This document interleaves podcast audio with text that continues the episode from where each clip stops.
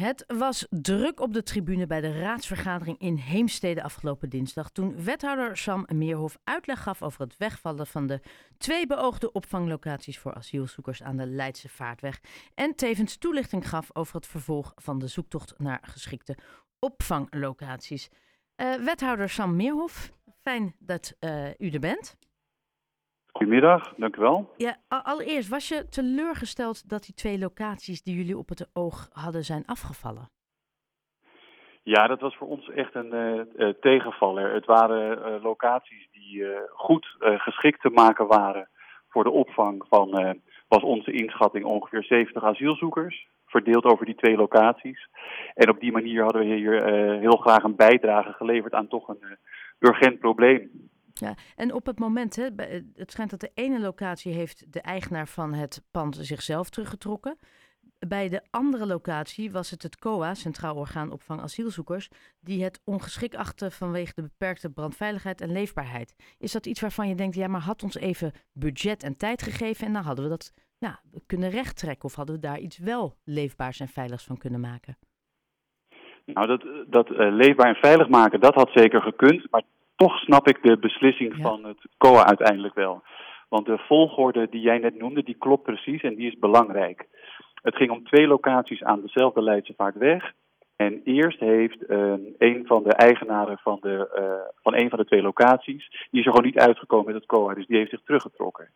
Toen bleef er één relatief kleine locatie over en toen wisten we eigenlijk al dat die locatie klein was, dat het relatief duur zou zijn om die gereed te maken voor opvang.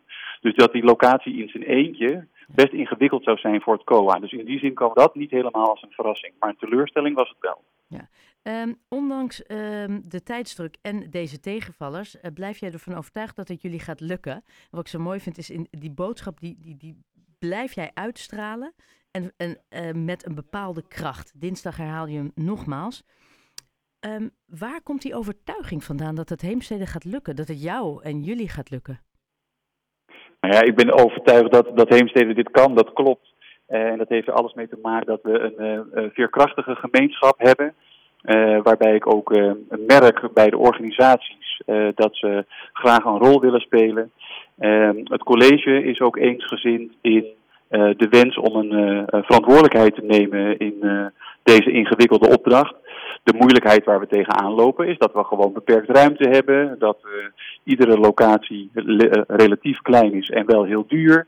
Dat het COA bepaalde uh, eisen stelt, wat ik ook begrijp. Maar al met al ehm, nou ja, vind ik het fijn als wij onderdeel kunnen zijn van een bredere ontwikkeling juist.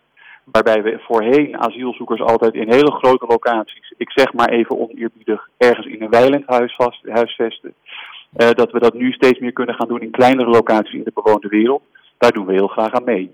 En is het dan van belang, hè? je zegt het, de, het college is heel eensgezind, is dat eigenlijk van belang om zoiets te laten slagen? Of om teleurstellingen aan te pakken?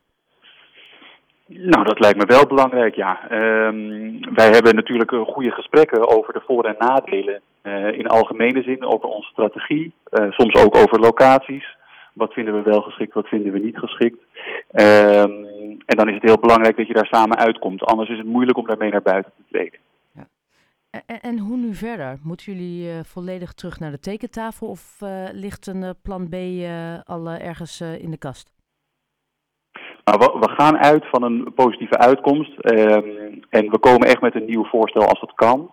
Uh, maar de Raad geeft ook echt wel terecht aan, uh, daar zijn we het gewoon mee eens, dat ze het belangrijk vinden dat we enige zekerheid hebben over kans van slagen voordat we met een locatie naar buiten komen. Uh, nou, zover zijn we nog niet, dus ik vraag nog eventjes geduld. Ja, en, en, en dat is ook iets wat hè, van belang is. Ik kan me voorstellen dat nog meer, ook omdat ja, mensen worden onrustig van ja, nee, ja, nee. En dat hebben we volgens mij gezien met coronaperiode wel mondkapjes, geen mondkapjes. Je kan beter naar buiten treden als je het antwoord weet.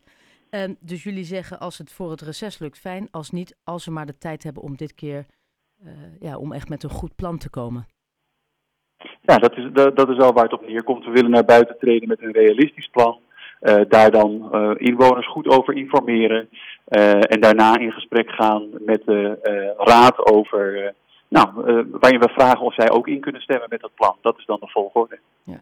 Je klinkt nog steeds heel overtuigd en heel erg positief.